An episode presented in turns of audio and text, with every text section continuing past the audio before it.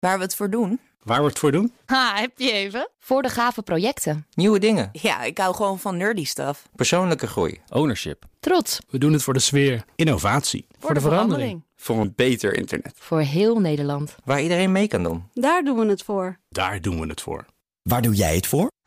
Kom werken voor KPN en groei op jouw manier. Check de actuele vacatures op het gebied van data, security, development en networking op jobs.kpn.com/tech. BNR Digitaal wordt mede mogelijk gemaakt door SecureLink. SecureLink. Safely enabling business. BNR Nieuwsradio. BNR Digitaal. Herbert Blankenstein. Welkom bij BNR Digitaal. Terwijl founding partners als Visa, Mastercard, PayPal en Booking uitstappen, gaat Facebook's Libra Association onverstoorbaar door met zijn plannen. Inmiddels heeft Facebook's crypto-tak een bestuur en blijft aanvoerder David Marcus optimistisch over de kans van slagen. Gaan we bespreken met Simon Lelyveld, technisch bedrijfskundige en adviseur op het gebied van financiële regelgeving en toezicht.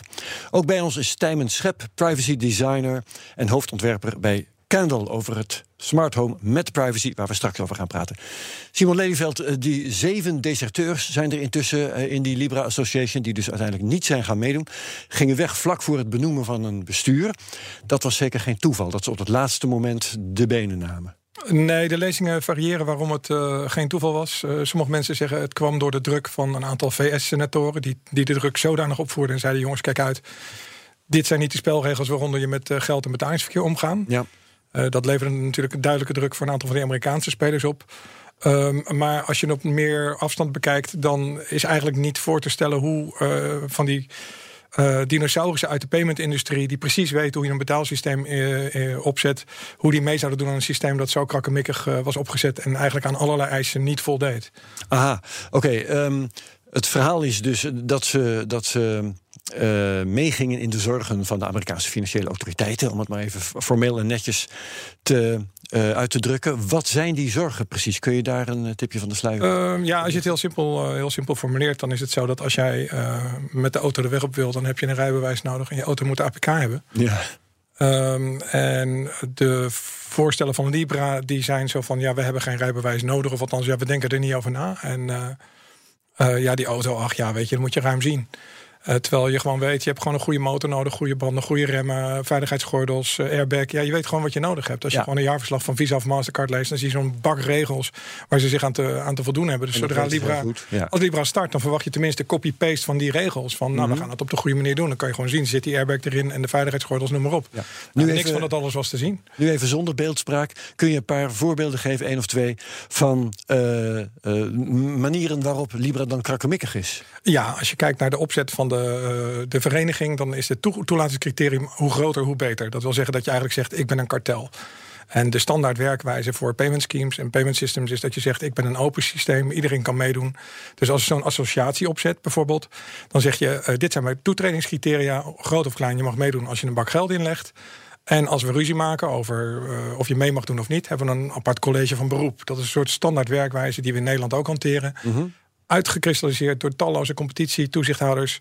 Nou ja, hier moet je ver zoeken. Er is een board, er is geen college van beroep. Ehm, ja, dus er is, er is ook niet voorzien in certificatie. Dus normaal gesproken zeg je, eh, als iemand mee wil doen in een systeem, dan wil ik certificeren of de onderdelen die hij bouwt, of die wel goed zijn. Of dat bedrijf deugt? bedrijf deugt, onderdelen goed zijn. Nou, dat is een standaard eh, set van regels die, die nogal uitgebreid is. Ja, en, en Libra zegt, nou, wij werken gewoon met een soort standaard open source contractje. Iedereen mag het gebruiken. Ja, dat, dat, dat, is, dat is ver verwijderd van de, van de basisstandaard. Ja, ehm, nu ver- vertrekken dus een aantal bedrijven die met ervaring in eh, betaalprocessen, Visa, Mastercard, PayPal eh, was al eerder opgestapt. Is dat voor Libra nou een groot probleem? Ehm, ja, het ligt eraan hoe je naar Libra kijkt. Als je eh, aanneemt dat Libra serieus, eh, fatsoenlijk een betaalproduct in de wereld wil zetten, dan zou het een probleem zijn. Maar ik denk dat dat niet de bedoeling is.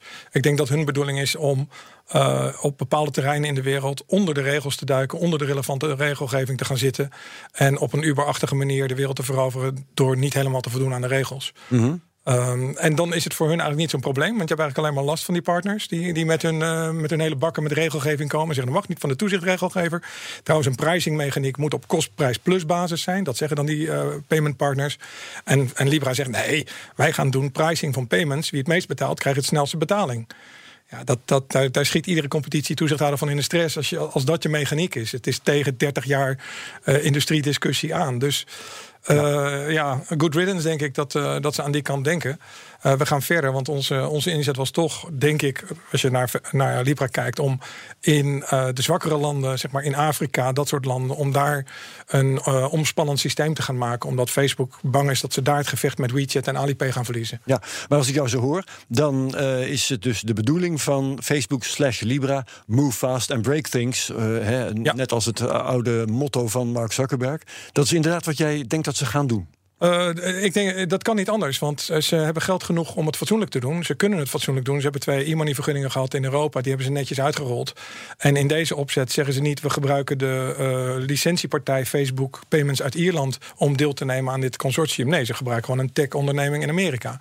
Dus hun doelstelling is echt om, dat, om de Facebook-deelname is gewoon niet eens een ja. uh, payment institution. Maar denk jij dan ook dat ze ermee weg gaan, gaan komen als ze het niet helemaal volgens de regels uh, spelen? Want er zijn financiële autoriteiten genoeg overal ter wereld die dit op dit moment met argusogen in de gaten houden en dat ook zeggen. Ja, en die zeggen dat en dat, dat is meer dan terecht. Want als je gewoon inderdaad naar die standaard set van eisen kijkt waar je aan te voldoen hebt ja, dan, dan uh, je geeft wel, het gaat wel om geld. Ja, het gaat om geld van, andere mensen. En waarom zou je, waarom zou je nou, ja, het is, het is een beetje uh, vergelijkbaar met die discussie over de stint die we net in het nieuws hoorden. Je kan zeggen, ja, het is hartstikke gaaf, zo'n stint, innovatief ding, lekker in het verkeer brengen. Goed, ja, ja. goed, maar je hebt je wel ongeluk als het misgaat. En dat is natuurlijk de, de core business van al die regulators. En dat ze daar voorzichtig in zijn, omdat het om. Het is hartstikke leuk te zeggen, uh, we gaan leuk inc inclusive zijn voor allemaal mensen overal ter wereld. Maar stel je voor dat je inclusive bent met een niet al te volwassen product. Ja. Waardoor je het geld van iemand die al helemaal geen geld heeft, toch nog weer kwijtgeraakt bent. Maar mijn vraag was: dat, denk jij dat ze daarmee weg gaan nee, komen als ze die nee, met nee, regels ik, ik, ik, zie het niet gebeuren. Wat ik wel zie gebeuren is dat ze erin slagen om de toezichthouders en regelgevers tegen elkaar uit te spelen. En daarom zie je heel nadrukkelijk die toezichthouders en regelgevers elkaar opzoeken. Zodat ze overal ter wereld dezelfde lijn trekken. Want ja, je hebt maar gewoon één Afrikaans land nodig waar. waar uh, uh, ja, waar de animo er is of een lokale dynamiek waardoor je kan zeggen, nou hier beginnen we alvast. En dan, ja, dan kun je alvast beginnen. Dus ze spelen het voor de lange, lange adem. We gaan gewoon beginnen. We hebben heel veel cashflow. We kunnen tot de lengte van dagen dit proberen. Dus uh, we kijken. En, en let wel. Uh, een van de deelnemers, Vodafone, uh, die heeft al ervaring op dat vlak. Hè. Vodafone, het geld op je mobiele telefoons. Normaal gesproken valt dat onder elektronisch geldrichtlijn. Maar ja. toen, uh, 15 jaar geleden, die richtlijn kwam... toen hebben alle mobiele operators in Europa gezegd tegen, tegen het ministerie van Financiën... joh, sodemiet erop, we hebben net miljarden betaald voor onze vergunningen. En dan moeten we ook nog een keer een banklicentie. Dus die hebben de facto 15 jaar een vrijstelling... van relevante elektronisch geldregelgeving. Nou, Vodafone als partner in dat consortium zegt natuurlijk... nou, Facebook wil jullie best helpen. Het is ons al een keertje gelukt om... Uh, we duiken nu al 15 jaar voor relevante regelgeving. Moet lukken. dus het is niet... Uh, en Uber is een andere partij. Die heeft gewoon een, uh, een, een, vergunning. maar die zit natuurlijk in het model van... nou, we houden ons niet per se aan alle regels. Dus, ja. dus die hebben niet, niet de kilometers gemaakt... om al die oude discussies te kennen. Je hebt net een, een blogposting online gezet. Ja. Op jouw blog, waar we naar zullen linken trouwens.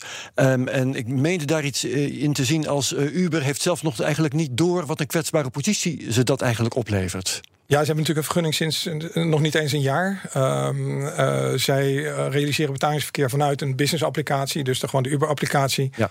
Um, en ik denk niet dat ze, dat ze zo diep in die, die governance rules van payment schemes zitten, dat ze zich daar op dit moment primair zorgen over maken. Ja. Spannende vragen overal. Onze tijd is alweer bijna om, maar ik wil nog één bedrijf met je bespreken. Een van die partners, PayU. Ja. Een bedrijf dat in Nederland is gevestigd, door, mede door een Nederlander is opgericht. Wat is het voor bedrijf? Wat doen die daar? Um, PU is, uh, zit er op een bepaalde manier dubbel in. Het is aan de ene kant een payment processor zoals Adyen. Dus het heeft ja. operationeel uh, service het bedrijven met betalingsverkeer. Ja, tussen twee haakjes, we hebben geprobeerd ze te bereiken. Dat is niet gelukt. Daarom mm -hmm. vertel jij dit nu. Oké. Okay. Um, tegelijkertijd hebben zij uh, heel vroeg een steek gehad in Tencent. Dus ze hebben een mega... ze zitten op een hele grote zak met geld... vanwege de aandelen die ze goedkoop hebben gekocht. En zijn daarmee in feite venture capital investeerder geworden. Met die hele zak geld kopen ze nu de een na de andere bedrijf op. Waaronder Red Dot Payments uit Shanghai.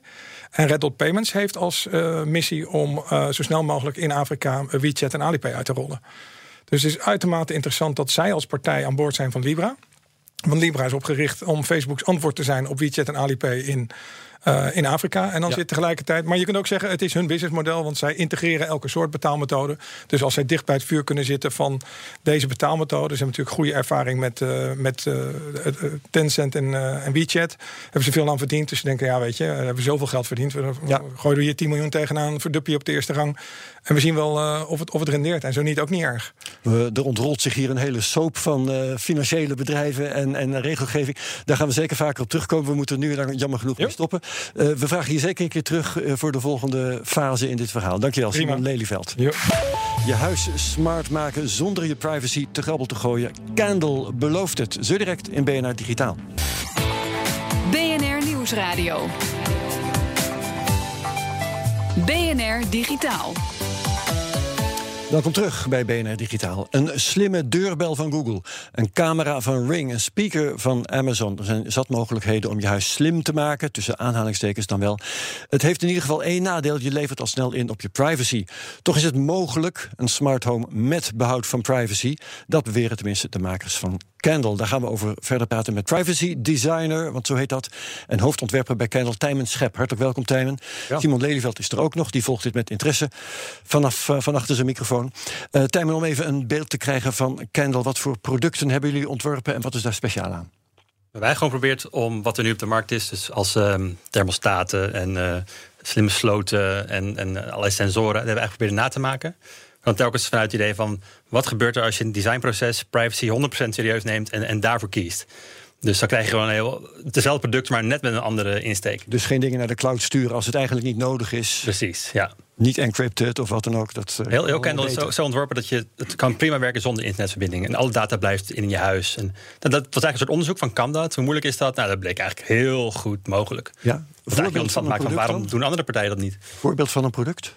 Bijvoorbeeld van het product, nou heb ik hier, hier dingen bij me. Ja, dit het ligt hier helemaal vol met printplaatjes en, en, draden. Ja, op Dag Design gaan we aanstaande zaterdag dit product, het eh, product lanceren, dit project lanceren. Uh, dus we hebben een aantal makers gevraagd, een, een juwelier en een, uh, een, productontwerper, om voorbeelden te maken van onze elektronica en onze software. Dus hier heb ik bijvoorbeeld een, een CO2-sensor van Dini Basins. Zij heeft uh, ja, schitterende, ja, met haar juweliersachtergrond natuurlijk uh, creaties gemaakt. Met, uh, met er onder andere skirts noemt zij. Dat zijn soort rokjes die je over de apparaten heen kan leggen. Als je even niet de data wil zien die op een schermpje te zien is. Dus als bijvoorbeeld die buren komen even langs, dan kan je even dat, dat, dat rokje eroverheen leggen. En dan is die data even verborgen. En dan kunnen zij niet zien hoe stoffig het is bij jou. Eh, zo, simpel als nou ja, het klepje dat ik op mijn laptop heb voor mijn webcam, ja, bijvoorbeeld. Precies. Ja, maar zo'n soort. Dat, dat is een, een, voorbeeld van uh, hoe zij het aangepakt maar dat, dat, is een analoog product. Dat is gewoon een stukje materie dat je over je scherm heen legt. Maar ik heb hier ook allemaal schermpjes, zie ik. En in plaatjes, wat doen die? Nou, een ander voorbeeld is wel Jesse. Jesse Howard heeft um, op alle apparaatjes een schakelaar gezet waarmee je kan uh, bepalen of zo'n apparaat wel of niet data mag versturen. Oh ja, dat is ook heel. Op elk moment kan je dat uitzetten. En ik denk, de CO2-sensor ook van hem is heel interessant uh, gegeven. Een ander voorbeeld, iets wat je niet zal zien bij een, uh, een concurrent, een ander product, is dat ding kan nep-data versturen met een andere schakelaar. Dus je kan nou wordt het leuk. Ja, en dat is heel interessant, want dat is bijvoorbeeld iets waar de meeste producenten niet over nadenken. Stel bijvoorbeeld, je hebt een, een puber in huis en die hebt een CO2-sensor. Een CO2-sensor is hartstikke handig als je slecht slaapt. Je wil gewoon weten, hè, wat is mijn eh, CO2-niveau? Dat kan invloed hebben op je, heel erg op je. Mm -hmm. Maar het, het meet ook precies hoeveel mensen er in huis zijn. Zijn er meer mensen, dan gaat het CO2-niveau omhoog. Dus het probleem is, als jij een puber hebt en die gaat lekker stappen s'avonds... en die komt thuis en die neemt een leuk jongen mee van de, vanuit de club... dan kan de ouders kunnen de volgende dag terugzien in de data, in de log. Van, dat was twee keer zoveel CO2. Hey, ja, dat heel veel CO2. Je hebt iemand meegenomen. en dat is iets wat je dus... Uh, wat de huidige systemen zijn daar gewoon niet op gemaakt. Ze zijn gewoon heel erg gemaakt vanuit het, de, uh, ideologie van... ja, dit is een soort wetenschap. We gaan ja. gewoon alles heel precies meten. Maar dat wil je niet altijd. Nee, dus zijn apparaat kan in dit geval wil de puber dat niet, maar de ouders wel. Dus daar heb je een potentieel conflict. Dat is nog interessant. Ja, nou, dat is ook een van de dingen waar we dus heel erg, uh, ook naar heel erg hebben gekeken van. Uh, dat is iets wat, wat we nog niet kunnen bieden, wat eigenlijk nog niemand biedt. Maar hoe kan je dat inderdaad in je huis integreren? Bijvoorbeeld, zou je bijvoorbeeld een soort nep-data beltgoed kunnen hebben dat jij je kind kan geven? Je kan per maand acht uur dit nep-data doen. Je, je kan. Uh, er zijn dingen die kan je proberen uit te zoeken en te bedenken. Dat de mate van data die je over jezelf gaat camoufleren, dat die aan een soort rantsoen gebonden is. Nou, meer een rantsoen naar je ouders toe. Dus dat je, binnen, dat je die sociale dynamiek binnen zo'n gezin kan respecteren. En dat je daar uh, ja, mee kan spelen. Je mag je wel schuilhouden, maar met mate. Zoiets. Ja, dat is, hoe ouder je wordt, hoe meer, de, hoe meer, de, hoe meer de, ja, dat goed je krijgt. Hoeveel data het goed je krijgt. Dat is interessant. Wat ook interessant is. Um, mensen worden meestal naar de cloud gelokt met een bepaald gebruiksgemak. Hè? Bijvoorbeeld, je kunt je, uh, je bookmarks kun je in de cloud zetten. Ja, dan kan je er van overal bij. Dat is leuk. Dan geef je ze dus prijs aan Google of aan wie ook. Uh, dan krijg je gebruiksgemak voor terug. Je levert privacy voor in, want Google kan zien waar je heen gaat. Um, hoe, hoe, lossen jullie dat op? Als, je, als jij dat met privacy first zou ontwikkelen, ja. dan maak je mogelijk, denk ik toch, een minder gebruiksvriendelijk product. Ja, dat zou je denken. Uh, maar dat valt eigenlijk heel erg mee. Uh, als je kijkt naar wat. Bijvoorbeeld, hebben we, ons systeem heeft stemherkenning. En wat gebruikt eigenlijk 9% van de mensen vooral met stemherkenning? Die zegt: uh, hey, zet een, stel een timer in voor drie uur s middags. zet een alarm. Hoe, wat, hoe, warm is het binnen? En dat soort dingen, die kan je eigenlijk allemaal prima lokaal doen. Weet je, dus de meeste dingen kunnen al heel goed lokaal. Ons slimme slot heeft bijvoorbeeld een. Je, je, kan het systeem met internet verbinden als je dat wil hoor, maar dat, we raden dat dus niet aan. Maar ons slimme slot heeft een ingebouwd bijvoorbeeld een GSM-modempje. dus je kan een sms'je naar sturen met een paar wachtwoord. En alleen jouw telefoonnummer kan dat. Zodat je ook buitenshuis de, de Daar voel ik ook al allerlei complicaties aankomen. Bijvoorbeeld dat uh, uh, die GSM-module uh, wordt gehackt. Dat daar, hoe heet het ook weer, SIM-swapping op wordt gepleegd. Dat zou kunnen, maar je moet dus ook even nadenken. Het is, dit is een prototype, hè. we hebben niet alles helemaal om zijn dicht maar we willen vooral okay. aankaarten van... hey, kan je op een andere manier... Hè, stel je hebt je heel je huis afgesloten van internet... kan je nog steeds op een andere manier dan via het internet erbij. Hè, dus om die, die dominante narratief van... het moet allemaal maar de cloud in, ja. te bevragen.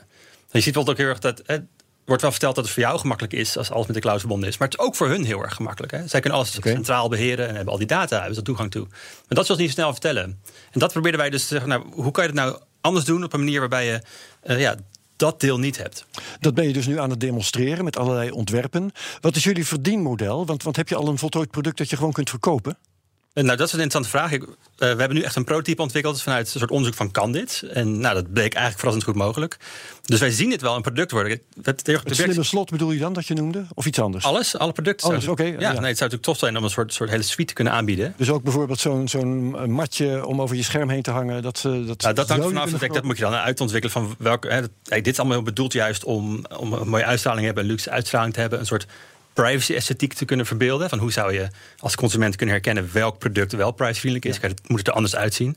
Maar ik onderbreek je even, want ik wou weten wat het verdienmodel is. Hoe gaan jullie nou. nou op dit moment we zijn eigenlijk op zoek naar een partij die zegt: wij willen graag met jullie dit gaan. Oh, Oké, ja, ja, dat is helder. Ja. Nou heeft Simon Lelyveld een vraag. Uh, ja, nou, vraag of een idee, een suggestie. Kijk, je hebt bijvoorbeeld die, uh, die uh, slimme meters die iedereen door de strot worden geduwd door de energiemaatschappij, zonder te vertellen wat er allemaal voor gegevens worden weggetankt. Ik denk dat een gat in de markt is als je een domme slimme meter kan maken. Die, die hebben we ook. Die zit erbij. Nou ja, nou precies. Nou, die, die, kijk, want, want mensen beseffen niet wat er... bedrijf heeft wel een monopolie op het verstrekken daarvan. Er is, daar is over data-eigenaarschap ook nog een hele boom over op te zetten. Waarom ja. dat niet goed geregeld is in de energiesector, zeg maar. Maar je wil eigenlijk gewoon niet al die data weggeven. Maar je wordt in een techniekval gelokt van u moet dit apparaat neerzetten. Want anders dan kunt u dat en dat niet. Uh, en dan wil je eigenlijk zeggen, ja maar sorry, ik wil niet de internetfunctionaliteit, maar wel de rest van het apparaat.